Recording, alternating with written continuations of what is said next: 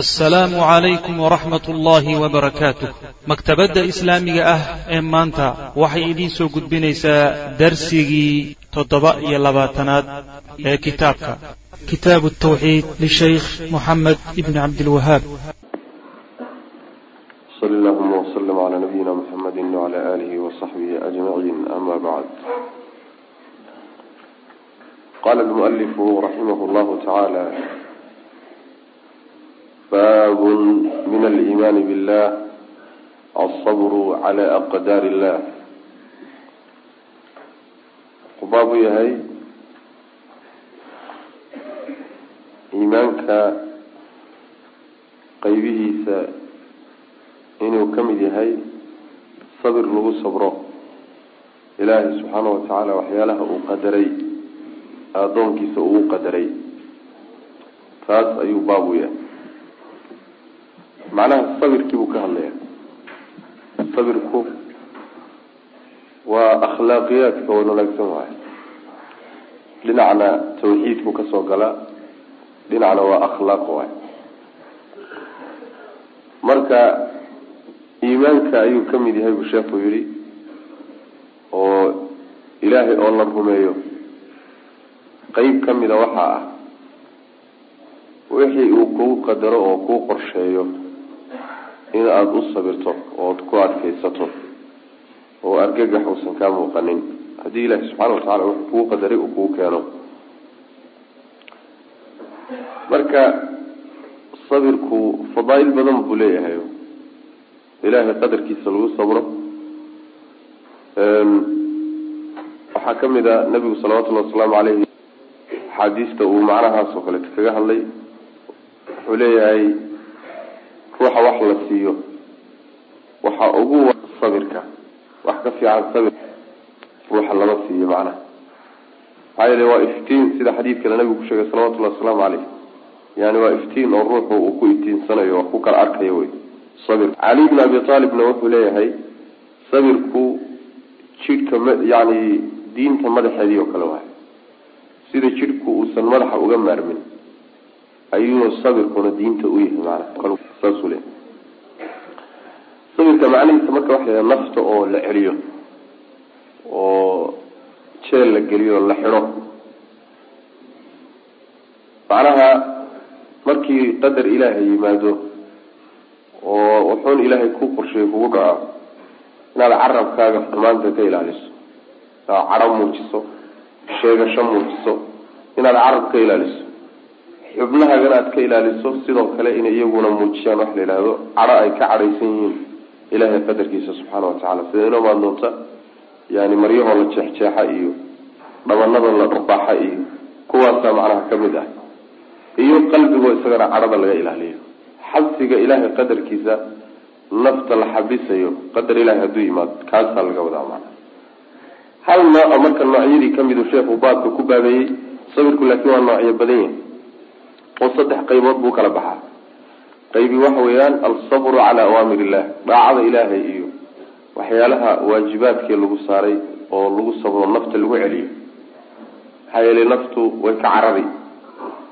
In marka lagu dabaalo lagu celiyo oo ay ku adkaysato taasi waa mid. Ta labaadna waxa weeyaan waxyaalihii ilaahay uu reebay iyo maxaarimtii iyo dembigii in nafta iyadana laga celiyo oo ta horena way ka cararaysaa tanna way ku ordaysaa way doonaysa xumaanta iyadaa doonaysa. In laga xidhaa la doonaya marka laga seeteeyo laga celiyo. Qeybta saddexaadna waxa waa qeybta sheekhu uu baabka ku qorayo. Qadarka ilaahay subxaana watacaala uu ku qadaray waxyaalaha kuu dhacayo ama xoolahaaga ku dhacaya ama lafahaaga ama caruurtaada eheladaada ku dhacaya. Masaaibta inaad u dulqaadato ood u sabirto. Qeybta saddexaadna midaabay macna min aliimaani iimaanka waxaa ka mid a billahi ilahay la rumeeyo. Ilahay oo la rumeeyo waxaa ka mid a alsabru sabrid cala aqdaari illah ilahay qadarkiisa lagu sabro. Ilahay waxyaaluhu qadaray oo lagu sabro macnaha. Wa qawlihi tacala wuu baabu yahay. Ilahay odhantii wuu yihi waman yu'min billah ninkii ilaahay rumeeya yahdi wuu hanuunin alle qalbahu qalbigiisuu hanuunin wallahu allana bikulli shayin wax walba caliimun kii og wey waxaa ka horeysay aayadda maa asaaba wamaa asaaba min musiibatin ila biidni illah waman yu'min billahi yahdi qalbah. Wax alla wixii dhacay oo idin asiibaay ilaahay ogolaanshihiisa iyo doonitaankiisu ku yimid. Saas way maana wuxuusan ilaahay doonin maba idinku dhacayaba. Waa qorsho ilaahay subxaana watacaala haddii marka uu sidaas yahay dadku waa laba qaybood. Markii dhibaatooyinkaasi dhacaan qaybina ilaahay baa qalbigiisa hanuunin oo hanuuninta waxaa laga wadaa qalbigiisaa la xasilin oo musiibadii ku dhacday. Qalbigu ma didaye wuu xasilahayaa oo wuu degahayaa oo sabir buu ilahay waafajinay subxana wa tacala sabir baa lagu yiri saas yahdi qalbahu saasaa laga wadaa. Qolana macnaha waxa wey qalbigooda la hanuunin maaye. Qalbigii baa walwal iyo yani rafaad iyo dhib iyo jiif iyo joogba qaban waaye qoladaana macnaha qalbigooda lama hanuuninin. Ilahay wax walbuu ogyahay subxaana wa tacaala. Saas wey macnaha. Waman yumin cidii rumaysa billahi ilahay rumeeye oo iimaan dhab alla yimaadaay yahdi alla wuu hanuunin qalbahu qalbigiisu hanuunin. Oo musiibe adduun markay ku dhacdaay qalbigiisu ma uu didaye wuu degaya oo ilaahay baa xasilinay subxaana wa tacaala. Wallahu allana bikulli shayin wax walba caliimun kii og wey qaala calqamatu wuxuu yihi calqamatu min qaysin nakhaci min qaysin nakhaci baa la yidhahdaa waa nin taabiciinta raggoodii waaweynaa buu ka mid yahay. Huwa ninkaasi qalbigiisa la hanuuninayay alrajulu nin ruux weye ruuxaasoo tusiibuhu ay ku dhacayso. Almusiibatu musiiba ku dhaci. Fayaclamu markaasaa wuxuu ogaanayaa anaha iyadu min cindi illahi ilahay xaggiisa inay ka timid. Fayardaa markaasuu ku raalli noqonaya wayusallim ilaahay buuna u dayno wuu hogaansami saas maanaa uu isdhiibaya. Macnaha waxaa aayaddu ay ka hadlaysaa ruux musiiba ku dhacday. Ruuxii musiibadu ku dhacday ee muuminka ahaa wuxuu ogaanayaa marka koowaad inuu waxaana xag ilaahay ka soo fulay subxana wa tacaala. Allama subxaana watacaala maslaxa iyo dantaa ah unbuu mar walba kula wadaa. Maslaxa unbaa lagula dooni waxaani marka maslaxu kuye dhinac kastoo laga fiiriyaba maslaxa wey maana masaaibtaa dad ku dhacay ka ay ku dhacaysa laftiisa maslaxa u tahay uu maana marka ilaahay xaggiisay ka timid markaasuu ku raalli noqonaya oo ilaahay u daynaya subxaana wa tacaala isaguna uu isdhiibaya maana saasuu calqaba ku fasiray aayadda. Wa fi saxiixi muslim saxiix muslim waxaa ku soo aroray can abi hurayrata abu hurayrana laga warinaya ana rasuula lahi sal lay slam rasuulku qaala inuu yihi ithnataani laba shay oo fi nnaasi dadka dhexdooda ahaaday. Humaa labadaa shay. Bihim fiihim dadka dhexdooda xaal ay yihiin kufrun gaalnimo wey laba shay oo dadku ay ku dhaqmaan oo lagaba dhex waayinba gaalnimaa kusugan buna uri salawatullahi wasalaamu caleyh ta koobaad waxa weye addacnu durid la duro wey fi nasabi nasabkoo la duro. Waynu soo marnay yani dadka nasabkiisaoo la ceebeeyo dhalashadiisii iyo isirkiisii iyo awowyadii wax laga sheego in loo diidoo la yidhaahdo mabatiid reerkaas ama maada ka dhalanin ama abtirsigaa malihid ama nasab dhiman baa tahay nasabka wax laga sheegoo la duraayo waa arrin gaalnimo wey shaqo gaalo wey macana shaqadad muslimiina maaha midda labaadna waxa wey walniyaaxatu baroor la baroorto wey cala almayiti meydka lagu dul baroorto markii ruux ilaahay tiisii ku timaado uu geeriyoodo in loo ooyo oo loo baroorto. Taasina waa arrinta labaad ee hawlaha gaalnimada ka mid a macana manaa labadan arrimood iyo arrimo kaleba waynu soo marnay. Halka waxaa lagu soo celiyey xadiidka walniyaaxatu cala almayit meydka oo loo ooyo maxaa yeelay intaas waxay muujinaysaa ilaahay subxaana watacaala qadarkiisa inaan macnaha raalli lagu ahayn. Saasay muujinaysaa sabirkii in laga tegayna way muujinaysaa. Maxaa yeelay yani waxa weeye maadaam maadaama waxba ilaahay qorsheeyay subxaana watacaala nin walbana ku imaan doonto. In la sabro la adkaystaa la doonaya macnaha labadan arrimood marka oo dadku aan lagaba waayeynin waa muslimiinta laga wadaayo.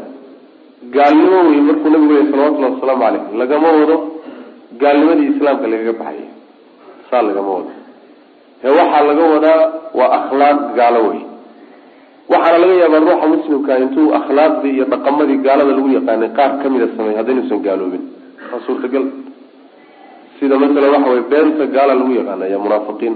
Ruux muslim hadduu been sheego ma gaaloobayo hadduusan banaysanaynin marka dhaqamadoodii iyo akhlaaqiyaadkoodii iyo qaar kamida dadku intay ku kacaan ayaa haddana yuusan xerada islaamka ka baxaynin. Sida gaalkuba haddii akhlaaqdii muslimiinta lagu yaqaanay qaar kamida uu sameeyey uusan muslim ugu noqonayn masalan deeqsinimada oo kale muslimiinta lagu yaqaana runta oo kale muslimiinta lagu yaqaana daacadnimada muslimiinta lagu yaqaana hadduu gaal la yimaado akhlaaqiyaadka qaar kamida muslim kuma noqonayo gaalnimadiisiibuu ku baaqi ahaan. Kana sidoo kale wey maana kana sidoo kale wey marka saasaa laga wadaayo gaalnimadii islaamka lagaga baxay lagama wadee. Laakiin waxaa laga wadaa waa dabeecooyinka akhlaaqda gaalada lagu yaqaana wey intaasaana kuwa filan hadiiba gaalada macnaha waxa wey lagu xidhiidhiyey yani kafaa bidalika shu'man. Xumaan intaasaaba ugu filan macana dadku marka musiibadu markay dhacdo oo dhibaata dhacday ama mid guud ha noqoto oo ummadoo dhan wada gaadha ama mid gaar adiga kugu ah ha noqoto afar qaybood bay dadku uqaybsamaan qaybi ilaahay subxaana watacaala waxa uu keenay bay ka cadhoodaan. Oo qadarkii wixii dhacayna way u cadhoon ilaahygii keenayna way u cadhoon qalbigana way uga cadhoon afkana way ka muujsanaya iyo adinka intaba. Cadhadaa qalbigooda ku jirta. Qolo qoladaa wey oo waa qolyaha xadiis soo soctay la imaan doonto oohinka ka muuqato oo yani hoogayo ba'ayda carabka kaka hayo macnaha yani barooranayo oo yani adinka xataa yani mar timaha istifi oo timaha macnaha guri oo qaarkood dabanaday dharbaax qaar maryaha iska googoyn oo yani waxay tasakut iscadhaysiin qolo qoladaa wey qoladaasi marka waa dambiilayaan wey inay gaalnimo gaadhana waaba suurtagal.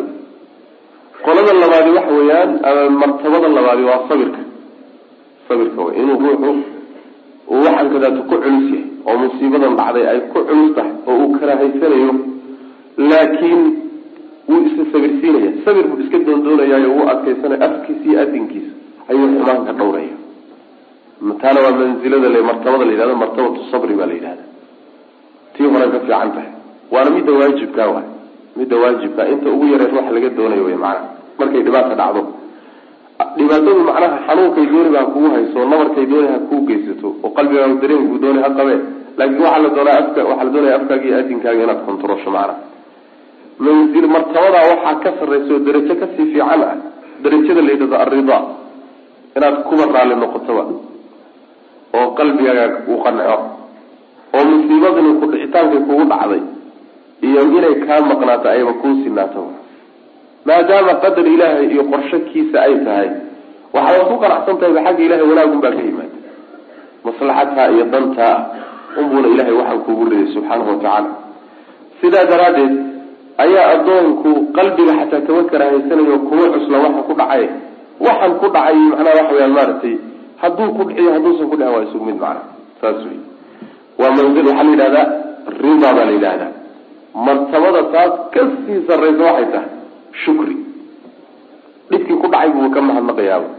Alxamdu lilahi buu ku hay saas wey waa martabada ugu sarraysa maxaa yeelay shukri wuxuu ku imaanaya waxaa la yidhahda culimadu dhahan almasaa'ibu nicam masaa-ibtu waa nicmo wey oo nicmo waxay u tahay faa-iidooyin fara badan bay leeyihiin faa-iidooyinkooda waxaa ka mid a addoonka musiibadu ku dhacday waa loogu dembi dhaafaa waa ko oo masaa-ibtu waa dembi dhaaf. Waa marka labaade addoonka ishalmaamay ee waxoogaa tegey ee macaasida ku foofay way xusuusisaa oo ilahay bay u soo celisaa masaaibtu. Maslaxada kale waxa wey dad kaloo fara badan baa ku cibro qaadan oo ku ku wanaagsanaan masaalix noocaas oo kaleeto oo fara badan masaal maslaxada kale waxay tahay yani ajir baa looga qoray haddii uu ku sabro.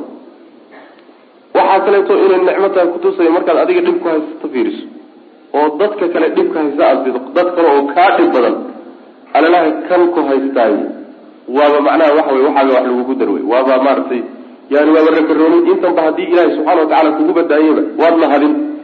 Maxaa yeelay insaan mubtalaa ma jiro oo dhibaataysan ilaa mid kaleo ka dhibaato badan unbaa jira macna.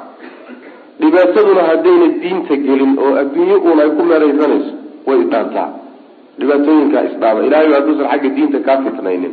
Kifaayo wey macnaha intaas marka yani martabadaana shukri baa la yidhahdaayo addoonku inuu dhibkii ku dhacayba ka mahadnaqo macnaha ilahay u mahad celiya subxaana wa tacaala. Martabadaas marka sidiiqiinta dadka aada u sarreeya ilaahay subxaana wa tacala addoomadiisa ka mid a ayaa gaadha. Itnataani laba shay oo fi nnaasi dadka dhexdooda ahaaday. Humaa labadoodu bihim fiihim dadka dhexdooda xaal ay yihiin kufrun gaalnimaa ku sugan.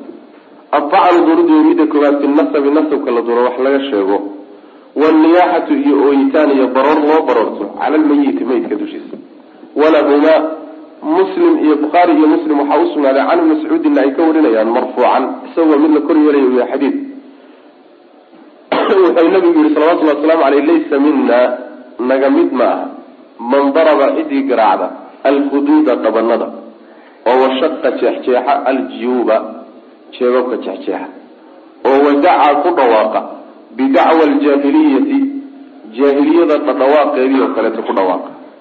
Saasuu nabigu yihi salawatullahi wasalaamu caleyh macnaha markii uu ruux dhinto ama musiiba dhacdo af waxaa la doonayaa inaysan adinkaaga xumaani ka muuqanin afkaagana xumaani ka muuqanin. Saasaa la doonaya macnaha marka nabigu sal lay slam wuxuu leeyahay jidka naga ma hayo. Oo waa khilaafay jidkaygii. Diintiina macnaha waa khilaafay. Ruuxii markay musiiba ku dhacdo dhabanka garaaca.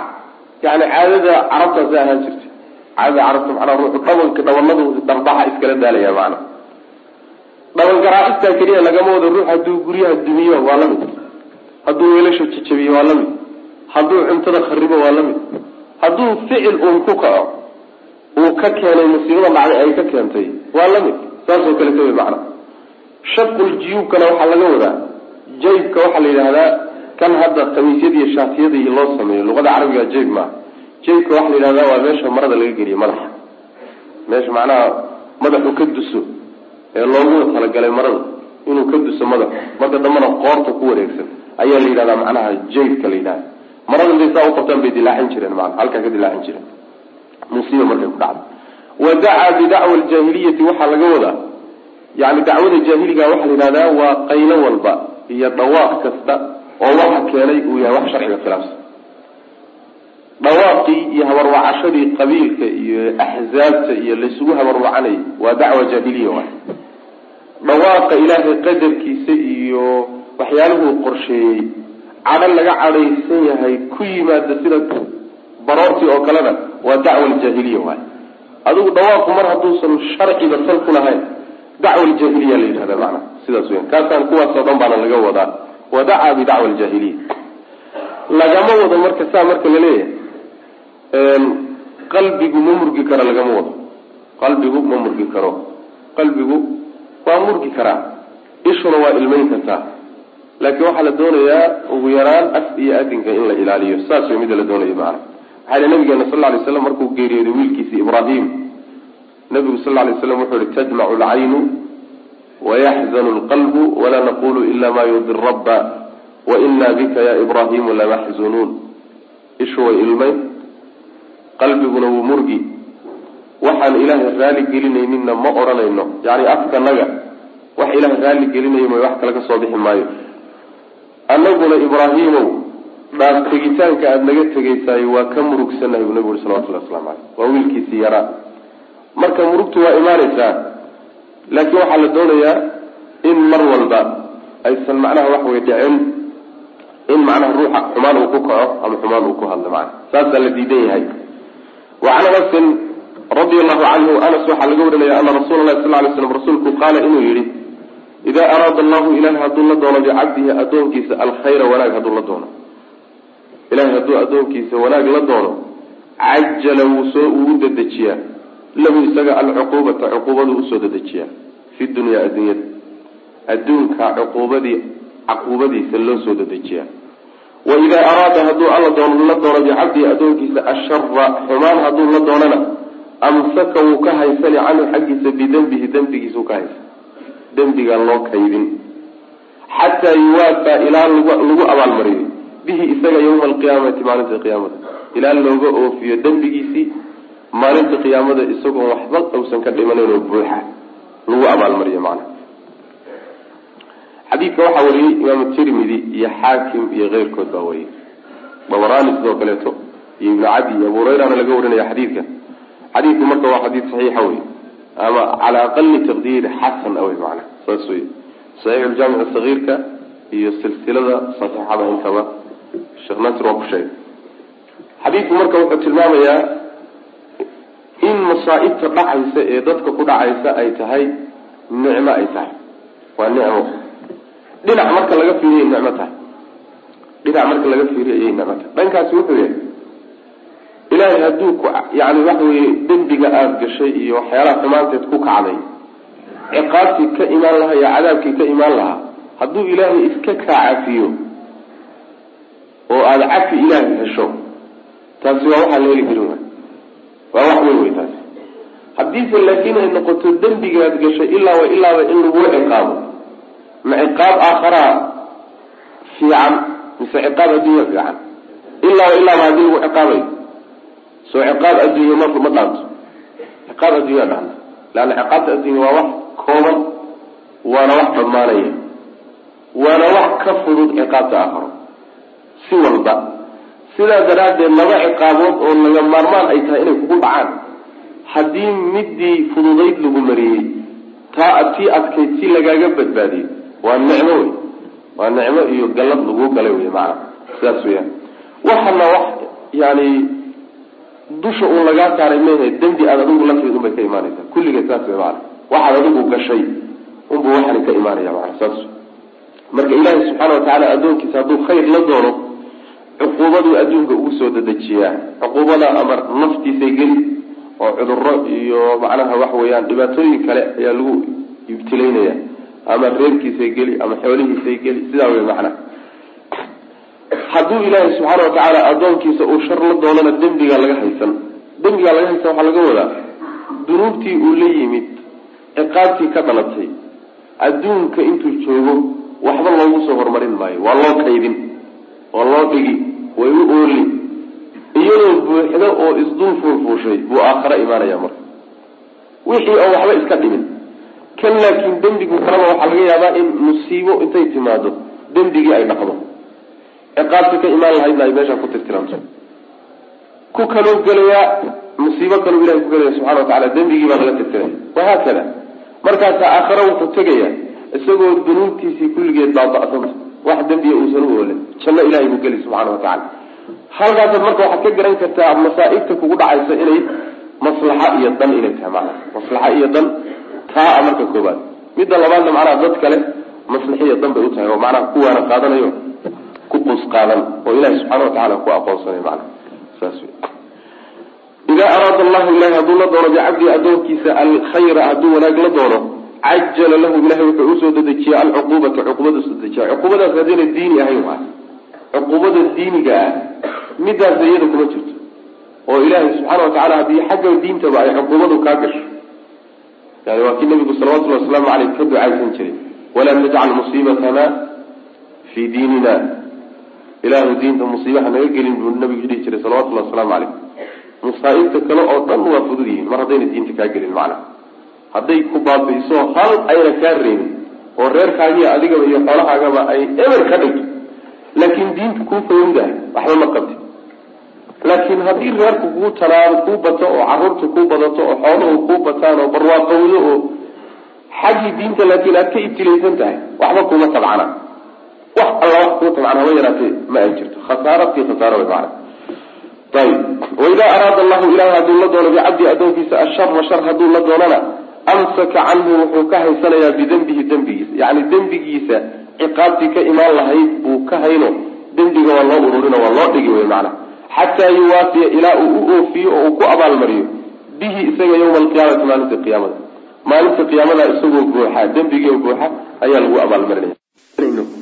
Oo aynu nacabnahay oo haddana danteeni iyo maslaxadeenu ku jirtaa jir wacasaa an takrahuu shay-an wahuwa khayrun lakum wallahu yaclamu waantum laa taclamuun masaalixdan inagu ma naqaano ilahay baa inoo garanay subxana watacala saa daraadeed baa mar walba waxaa waajiba wixii ilaahay kuu garto inaad raalli ku noqoto maxaa yeelay siqo kalsooni baa marka horeba waxaad ku qabtaa rabbigaa subxaana watacaala waxaan wanaag ahayn kulaba dooni maayo waxaan wanaag ahayn kuu qorshaynba maayo maadaama addoonkiisii oo saalix adigu ama markaa musiibo u arag ama wanaag u arag laakiin mar walba waa khayr mar walba waa khayr wey macana saasuu ilaahay subxaana watacaala uu macnaha wixii uu qorshaynaya adoomadiisa wax ugu qorsheynayo wa qaala allahu alla wuxuu yihi ina ina cidama aljaza abaalgudka weyneynkiisu maca cidami lbalaa balaayada weynankeeduu la jiraa balaayadu markay weynaataba abaalgudkaa weyn laga helayo.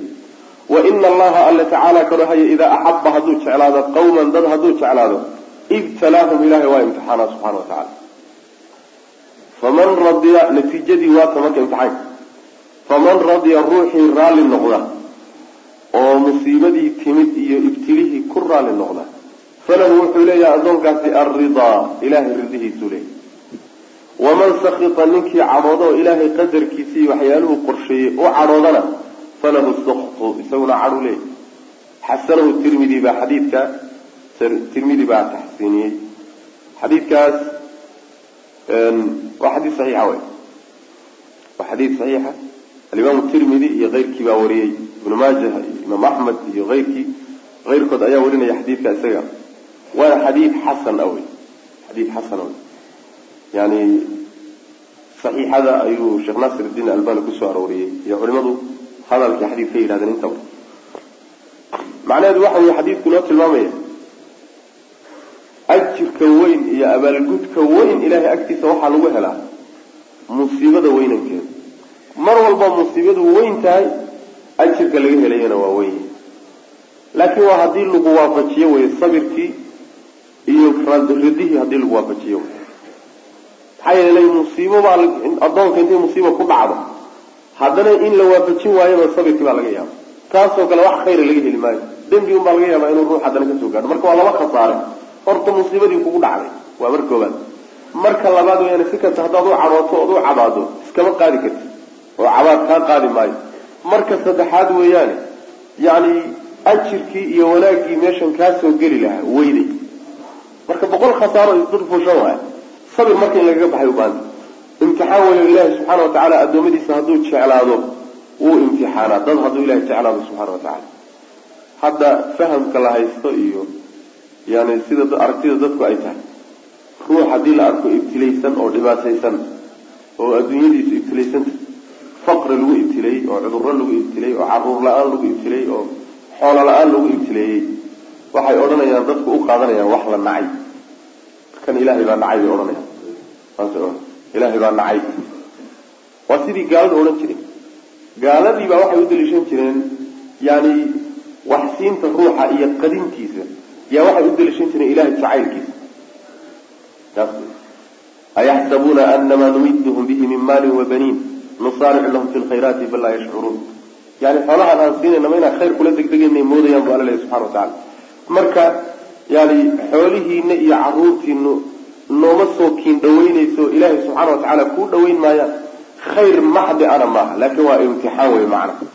Bal addoonka ilaahay ibtileeyey haddii sabir la waafajiyo kaasaa ku dhaama oo ilaahay subxaana watacaala jacaylkiisay bay daliil u tahay haddii addoonka khaasatan sabir la waafajiyo macna haddii marka lays imtixaanay oo ibtilaha laysku imtixaanay dadku laba qaybood bay noqon. Qola way ku raalli noqonoo way ku sabri wixii ilahay xaggiisa kaga yimi subxana watacaala qolyahaasi waxay leeyihiin ilahay inuu ka raalli noqdo oo maxaa ka weyn ilahay ridihiisa oo la helo subxaana watacaala qolana way ka cadhoon oo way ka xanaaqi oo waxay muujinayaan af iyo adinka waxay ka muujisanayaan inay ka xanaaqsan yihiin wixii dhacay.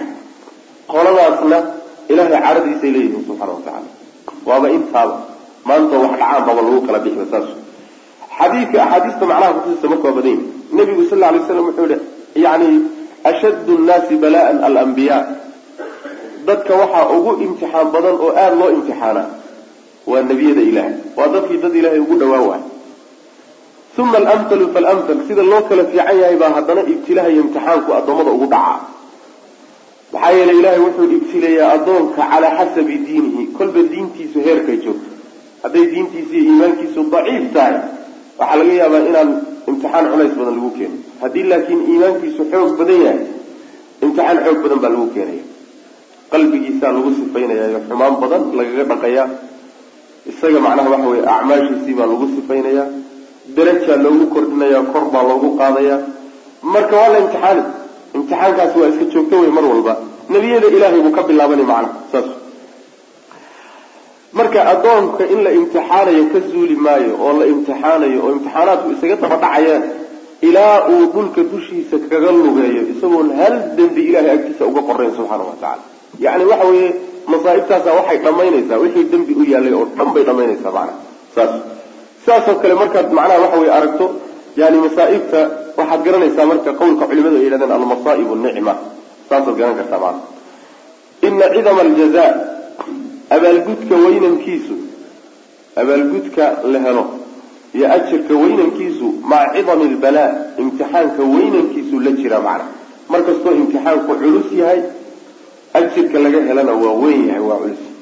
Mar walboo imtixaanku fudud yahayna ajirka laga helayo waa fudud yahay. Liana aljaza min jinsi alcamal wa ina allaha alla tacala korahaya idaa axaba hadduu jeclaado qawman dad ibtalaahum wuu imtixaanaa faman radiya ninkii marka raalli noqdo qanca oo adkaysta falahu ridaa. Ilahay baa ka raalli noqon subxaana wa tacala waman sakida ninkii cawadana falahu sukdu cadho ilahay buu leeyay xasanahu tirmidiyu xadiidkaas imaamu tirmidi baa xasan ka dhigay. Waana saabuu sheegayo xadiidku xasan weeye fiihi masaail baabkan masaail dhowraa ku jira. Alula masalada koowaad waxa weye tafsiru aayati taqaabun suuratu taqaabun aayaddii ku soo aroortoo la fasiro. Aayaddii ku soo aroortay macnaha waman yumin billahi yahdi qalbahu waay aayaddi athaaniyatu masalada labaad waxa weye ana hada arrinkani min aliimaani billah ilahay oo la rumeeyuu ka mid yahay. Yacni sabir ilaahay qadarkiisa lagu sabraayo wuxuu qeyb ka yahay rumaynta ilahay la rumaynaya subxana wa tacala athaalithatu masalada saddexaad waxa weye aطacnu durif fi nasabka wax laga sheegay. Dadka nasabkiisa oo la ceebeeyo oo la yeesoo la xaqiraayo ayadana inay dembi weyn tahay. Alraabicatu masalada afraad waxa weye shidat lwaciid goodi daran. Fii goodigaasoo fii man ruux dhexdii ahaaday. Ruuxaasoo daraba alkhuduuda dhabanada garaacay oo dhabanada dharbaaxay oo shaqa jiyuuba jeebabka jeexjeexay oo maryaha googooyey. Oo wadacaa dhawaaqa bidacwa aljaahiliyati. Jaahiliyada dhawaaqeed iyo qayladeedii oo kale qayliyo ku dhawaaqay. Ruuxaasi oo goodi adag loo goodiyo oo waa kii xadiidka aan ku soo marnay. Maxaa nabigu waa ka beri noqday salawatullahi wasalaamu caleyh dadkaas iga mid ma ah jidkaygiina ma hayaan buu nabigu yiri salawatullahi waslamu caleyh asaadisatu masalada alkhaamisatu masalada shanaadi waxa weeye calaamatu iraadat illah calaamada lagu garto doonitaanka ilaahay bicabdii addoonkiisa uu la doonay alkhayra khayr uu la doonay. Inuu ilaahay addoonkiisa khayr la doonay maxaa lagu gartaa? Maxaa lagu gartaa? Tacjiilu lcuquubati lahu fi dunya in adduunka uu cuquubada ugu soo dedejiyo taas calaamo waxay u tahay addoonkan inuu ilahi jeclay asaadisatu masalada lixaadi waxa weeye iraadat llah addoonka marka ay calaamo u noqonayso laba arrimoodba waa in laga helo. Yacni dhibkan ku dhacay iyo cuquubadani markay calaamo u noqonayso inuu ilaahay jecel yahay laba arrimoodba waa in laga helo. Ta koowaad waa in iimaan laga helo. Oo gaalka dhibaato kasta oo ku dhacday si kastoo loo imtixaano kuma tusayso calaamana una aha ilahay inuu jecel yahay subxana wa tacala maxaa yeele gaal ilahay mama jeclaado ta ta horta waa iimaan oo ruuxa inuu mu'min yahay marka labaadna waa inuu saabir yahay oo musiibadaas sabirkeeda la waafajiyo wey saas maana labada arrimood baa laga marmaan ayib asaabicatu masalada toddobaadi waxa weeye asaadisatu masalada lixaad waxa weye iraadat llah ilaahay doonitaankiisa bihi addoonka uu la doono ashara shar uu la doono iyadana calaamada lagu garto oo calaamadaas iyadana waxa weeye ta'khiiru lcuquubati lahu fi laakhira aakhare oo cuquubada loogu dibdhigo wixii cuquubo oo dhan aakhare loogu kaydiyo. Taasaa macnaha waxa weeyaan shar lala doono taas ah. Asaabicatu masalada toddobaadi waxa weeye calaamatu xub illah ilahay jacaylkiisa calaamada kutusaysa lilcabdi addoonka uu jecel yahay jacayl ilahay addoonka uu jeclaado calaamada lagu garto maxay tahay? Waa ibtilaha wey inuu imtixaano. Haddana sabirka waafajiyo macnaha iyo inuu ku raalli noqdo.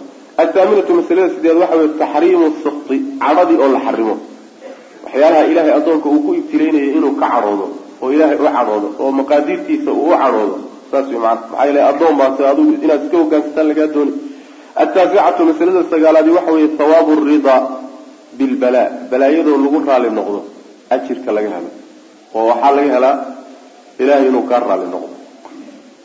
Jannadoo la galo xataa ilahay oo kaa raali noqdaa ka weyn. Jannadoo la galo waxaa ka weyn ilahay ridihiisa subxana wa tacala maxaa yeelay nabigeena salawatullhi waslamu aleyh xadiidka saxiixa ku sheegay dadka ahlu jannaha markay jannada galaan oo ahlu naarkuna naarta galaan ayaa ilaahay ahlu jannabu u yeedhaya. Markaasuu odhanaya ahlu jannaw ma idiin kordhiyaa ma idiin siyaadiyaa. Markaasaa waxay odhanayaan ilaahw maxaa siyaadoo noo laaban? Jannadii jannadaadibaaba nadijisoo na gelisay. Markaasaa allah wuxuu odhanayaa subxaana wa tacaala ridahaygaan idinku dejinayaa oo dib dambe idinku cadhoon maayo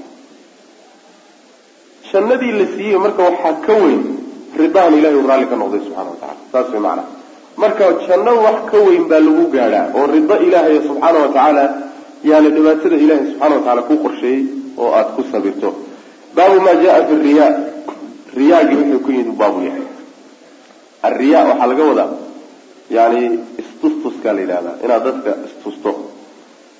Alriya wasumca labadaba waa la yidhahdaa riyaaga waxaa laga wadaa cibaadadii aada ilaahay u cibaadaysanaysay ood muujiso dadka tusto si ay kuugu ammaanaan.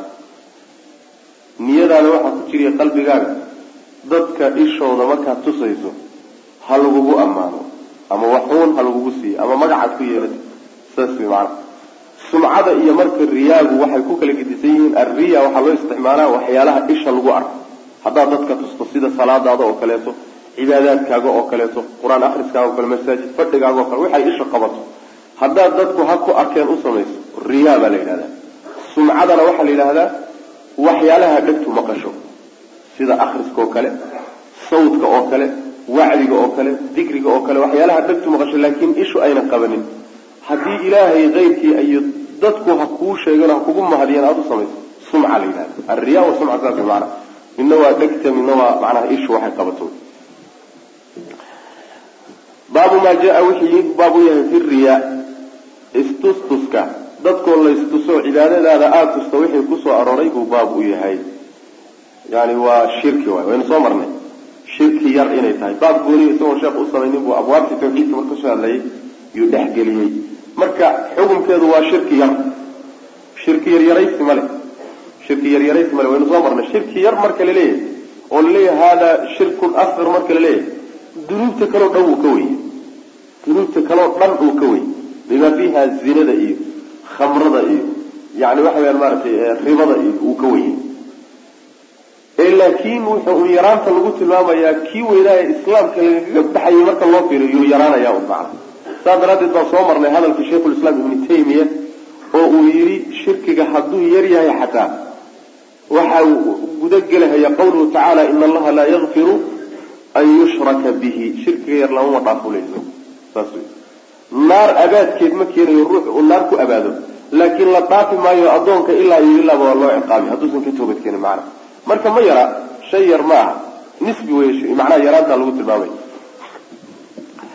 ayib wa qawli llahi tacaala ilahay odhahdiisa ayuu baabu yahay uu yidhi qul waxaad tidhahdaa nebiyow inamaa ana anigu basharun ruux baan ahay milukum idinkoo kale aadane idinkoo kale un baan ahay yuuxaa waxaa loo waxyoonayaa ilaya aniga waxaa la ii waxyoon. Annamaa ilaahukum ka aada caabudaysaani ilaahun macbuud weeye waaxidun oo keligii. Cidda cibaadada mudan hal mid inuu yahay yaa la ii waxyoonaya. Faman kaana ciddii ahaaday marka yarjuu mid rajaynaya liqaaa rabbihi rabbigii la kulankiisa ninkii rajo ka qaba ama ka cabsanaya kulanka ilaahay uu la kulmi doono falyacmal ha sameeyo camalan camal saalixan oo wanaagsan camal wanaagsan adduunka intuu jooga hala yimaado oo walaa yushrik yuusan la wadaajinin bicibaadati rabbihi rabbigii cibaadadiisa axadan cidna yuusan la wadaajinin cid kale oo meesha yuusan soo gelinino cibaadada ilaahay yuusan ku soo dhex darin macnaha. Macnaha idinkoo kale ahay waxaa laga wadaa inamaa ana basharun milukum malaaigna ma ihi jinnina ma ihi jinsi kalena ma ihi idinkoo kale lahay bashar baan ahay laakiin basharkaan isku mid ahayn basharnimada waxaan uun la dheerahay uun rasuul ilaahay u waxyooday baan ahay waxyi baa igu soo degay. Waxyigii igu soo degayna gundhigiisiiyo asaaska waxaa u ah tawxiidka asaas u ah saas way macanaha ilaan risaaladii nebi maxamed loo soo dhiibay salawatullhi wasalaamu caleyh iyo rusushii ka horreysayba risaalaadkooda asaaskay ku taagan tahay waxa weeyaan waa tawxiidka waay. Hal macbuud oo keliyata addoommada in lagu xidho oo allaha keliya ay caabudaan marka ninkii marka ilaahay la kulankiisa rajo ka qaba ama ka cabsanayo camal saalixa la imo adduunka intaad joogto camal saalix waxaa la yidhahdaa oo camalku saalix noqonaya markii laba arrimood laga helo. Waa midda koobaade waa inuu sharciga ilahay waafaqsan yahay. Kitaab alle iyo sunna nebi salawatullahi wasalaamu caleyh waa in meel looga helo. Waa in camalkaas laga dhex helo. Haddii laga waayo camalkaasi bidcuu noqoni. Ta labaadna addoonka samaynaya qalbigiisu waa inuu ilaahay dartii ula jeeday. Oo ikhlaas baa la labadaa tiir marka laga helaa camalku saalix noqonaya mid haddii laga waayo camalku waxba kama jiro. Waxba laga yeeli maayo. Saas daraaddeed baa culimadu waxay yidhahdaan camalku laba miisaan buu leeyahy dhaha miisaan wuu qarsoon yahay miisaanna wuu muuqdaa. Miisaanka qarsoon waxaa sheegay xadiidka nabiga sal lla alay wasalam inama alacmaalu binniyaat. Camalku niyaduu ku xidhan yahay. Kolba niyadii lagu sameeyo. Waa miisaan qarsoon. Oo camalka qarsoon ee qalbiga ka dhacaya waxaa miisaan u ah xadiidkaasaa miisaan u ah camalka muuqdee addoommadu la imaanayaanna miisaan waxaa u ah man camila camalan laysa calayhi amrunaa fa huwa raddun. Xadiidkaasaa isagana miisaan u ah. Ninkii camal sameeyey camalkaana anagu aanaan amrin oo annaga aana laga qaadanin nabigaa odhanaya salawatulli waslamu caleyh sharciga aan laga qaadanin camalkiisi waa lagu diidi camalka muuqda marka hadduusan sharciga waafaqsanayn waa lagugu diidi oo laga yeeli maayo laga aqbali maayo. Camalka qalbiguna hadduusan waafaqsanayn xadiidka inama alcamaalu binniyaat oo ilahay dartii aadan ula jeedin isagana waa lagugu diidi labadaa miisaan buu marka camalku leeyahy maana yani labadaa tiir buu leeyahy walaa yushrik bicibaadati rabbihi axadan. Culimada qaar waxay ku fasirayaan waa sida sheekhu wate yani shirkigani inuu yahay shirkul asqarkii oo istustuskaa macna. Camalkaagaas yani ismaqashiin ninna isku maqashiin hana isku tusin. Cid kalena qalbigaaga soo gelina ilahay dartii subxana wa tacala u wey yani waxaaban is leeyahay taqriiban camaasheenaaba u badanba qaabkaasay u badan tahay taqriiban waa la dhimi karaa saas wey maxaa yeelay dadka fiqigii iyo fahamkii diintuna waa ku yar ikhlaaskuna isagu waaba naadirba helitaankiisa aada naadir waa macna saas ayib asaadisatu masalada lixaadi waxa weeye anahu nabigu fasara dalika arrinkaa wuxuu ku fasiray riyaaga wuxuu ku fasiray bian yusalliya almaru ruuxu inuu tukado lilahi ilahay inuu u tukado salaada marka hore ilahay buu ugu talagalay keligii. Laakin yuzayinuha laakin wuxuu u qurqurxini. Limaa yaraa wuxuu arkaya daraaddii buu u qurxinaya oo min nadri rajulin nin fiiradii ah. Ilayhi isaga uu soo fiirinay. Ruux soo fiirinahayo oo arkay buu salaadii la qurqurxin. Laakiin marka hore ilahay dartii buu ugu talagalay. Saas macnaha buu nabigu ku fasiray salawatullahi wasalaamu caleyh marka yani waxyaalaha culimadu ay sheegaan cajabta badan waxaa ka mid ah. Waxyaala badan oo adigu aad markaa riyaa iyo sumca ku jirta oo waa shirki iyo haddana shirki ah. Waxay sheegayaan masalan ninka la yidhaha hazali kitaabkiisa ixyaau culuum ddiin oo kitaab yani dhinac marka laga fiiriyo aada u qiimo badan. Mahaalig badan baana ku jirta. Akhtaa aada u fara badan oo waxaa ku jirta macnaha khatar ah. Kitaabkaas marka wuxuu kaga hadlay waxa la yidhahdaa riyaa iyo sumcada ikhlaaska markuu ka hadlayay ayaa wuxuu sheegay riyaaga waxaa ka mida buuri ruuxu inuu cibaadadiisa qarsado. Ufiirso cibaadadaadiibaa qarsan oo addoommadu inaysan kaa arkin. Meel gooniyaad ku soo samaysan. Markaad meel gooniya ku soo samaysato cibaadadii ilan inaad cibaado badanta oo yani waxa weyaan adaaco badan tahay qalbigaagay ku jirtaa sooma. Wuxuu dooni ruuxu cibaadaduu soo qarsaday ee uu goonida u soo cibaadaystay in ay dadku ku qadariyaan. Fadhiga looga kaco salaamta isaga lagu bilaabo suuqa hadduu tago waxoogaa yani waxa weeyaan laga fududeeyo iibka. Oo macnaa waxa wey ixtiraam noocaasoo kale in la siiyo yuu iska jeclaysan. Waa nooc min ariya nooc min ariya bal ugirsa meeshay ka soo baxaysa ugirsa macnaha waxa weyaan cibaadadaadii samaysay laakiin cibaadadaad samaynaysay baa waxay kula noqotay dadku may ku qadariyaan oo may ku ammaanaan oo may macnaha waxa wey culimonimo ku oo may caabid meeshaad timaado maad maxoogaad maar dadka sadaaradooda qaadati halkaasay kula gashay nooc min ariya waay waxaa ka mid a culimadu sheegaan haddii ilaahay ikhlaaskiisa ikhlaaskiiba aada wasiilo uga dhigato adduunye raadinteeda waxaad raadinaysaa yani ikhlaaskii iyo ilahay dartii baad camalkan u samay laakiin wax kalaad ku raadin. Ikhlaaskiibaaba wuxuu noqdayba wasiila limasaalix dunyawiya. Waxay iyadana macnaha ku misaaliyaan sheikhu islaam ibnu taymiya ayaa wuxuu yihi waxaa la sheegaa abu xamid ninkii la odhan jiray ayaa waxaa soo gaadhay oo lagu yidhi afartan beri ninkii ilaahay dartii camal u sameeyo ikhlaas la yimaadaay yani qalbigiisa xikmada ka soo baxdaay carabkiisay ka dureeri. Saasaa lagu yidhi. Yani qalbigiisaa xikmad midho noqon kadibna xikmadii qalbiga ku jirtay waxay u soo gudbaysaa carabkiisa. Markaasaa wuxuu yihi abu xamid alghazali afartan beri baan ilaahay dartii ikhlaas oo ku dadaalhay markaasaa afartankii beri markay dhamaataan waxba waayey. Wax xikmadoo igu soo kordhaba waayey. Markaasaan dad culimada qaarkood oo caarifiin ahaabaan u sheegay buhi arrintii markaasaa waxay dhaheen buuri maa akhlasta lilahi wa inamaa akhlasta lilxikma. Xikmad baad raadinaysay inay qalbigaaga ku dhalato carabkaaga ka dureertee ilahay dartiiba camalka maada soo kasta midha saa daraaddeed baad natiijadii u weyday. Marka meeshaasi waa meelaha halisa wey qisadaa markaan akriya waxaan xusustay taqriiban. Waa aan macnaha waxa weye dariiqooyinkan ardow ahay. Ayaa waxaan samayn jirnay. Yani weli waa xusuusnay habeenkii oo dhan baad salaad u salaada waxaad ugu taagan tahay ilahay dartii baad salaada utukan laakiin maxaad ku doonaysaa waxaad ku doonaysaa ilahay kuma doonaysida iyo radihiise mukaashafaad baad raadinaysa in aada nuurto iftiinto unbaad dooni saas way maana habeenkooda intaad salaada u taagan tahay waxaad isleedahay talo goormaad iftiimi doontaa ilaa kaa dhici doonaa macnaha saas. Maxaa yeele waa qaab dadka lagu tarbiyey waay qaab noocaas oo kale ah mukaashafaad iyo waxbaa iftiimay iyo waxaan la arki jirin ba hebel ka muuqda iyo qaab noocaas oo kale ardada loo tarbiyeeya macnaha saasoo kale wey marka ikhlaaskii ilaahay daraaddii aada u samaynaysayba haddaad wax kale ku raadinayso meesha waa ka baxday macnaha waxaa igala sii cajab hadal uu sheegay ibnu rajab alxambali markuu xadiidkii sharxayay maa biibaani jaa-icaan xadiidkaa markuu sharxayay ayaa wuxuu yidhi waxaa laga yaabaa ruuxu inuu meel la wada joogo lafihiisa uu camcaayo lafihiisa inuu wax ka sheego oo uu liido oo haddii cilmi la sheego uu yidhahdo war anigu culimo mayi oo haddii cibaado la sheego u yidhahdo war anigu caabud mayi isagoo lafihiisa liiday lafaliidid iyo tawaaducu ma xuma laakiin tawaaduca uu hortooda ku tawaaducayo hunguri waxaa ku jirta ha ku aqoonsadeen inaad mutawaadic tahay. Haddii lagu aqoonsado inaad mutawaadic tahayna qadarin iyo qiimeyn iyo ammaan baa dadka agtiisa ku ahaanay. Tawaaduciibaa wuxuuba noqdayba oo marmarka qaarkood galahaya riyaa iyo sumca gelaya waxyaalaha cajaa'ibkaabay ka mid saa daraaddeed baa culimada salafku waxay odhan jireen weligay qalbigayga inta aan ku dhibaatooday dadaalkaan la galay iyo dagaalkaan la galay shay kaloo lagu dhibaatooday maba jira macna. Qalbiga iyo tarbiyeyntiisa iyo hagaajintiisa waa camalka ugu adag ee camalka. Hada wabillahi tawfiiq sala allahu wasalam cala nabiyina muxamedin wacala alihi wasaxbi wasalam walaalayaal darsigaani halkaas ayuu ku eg yahay.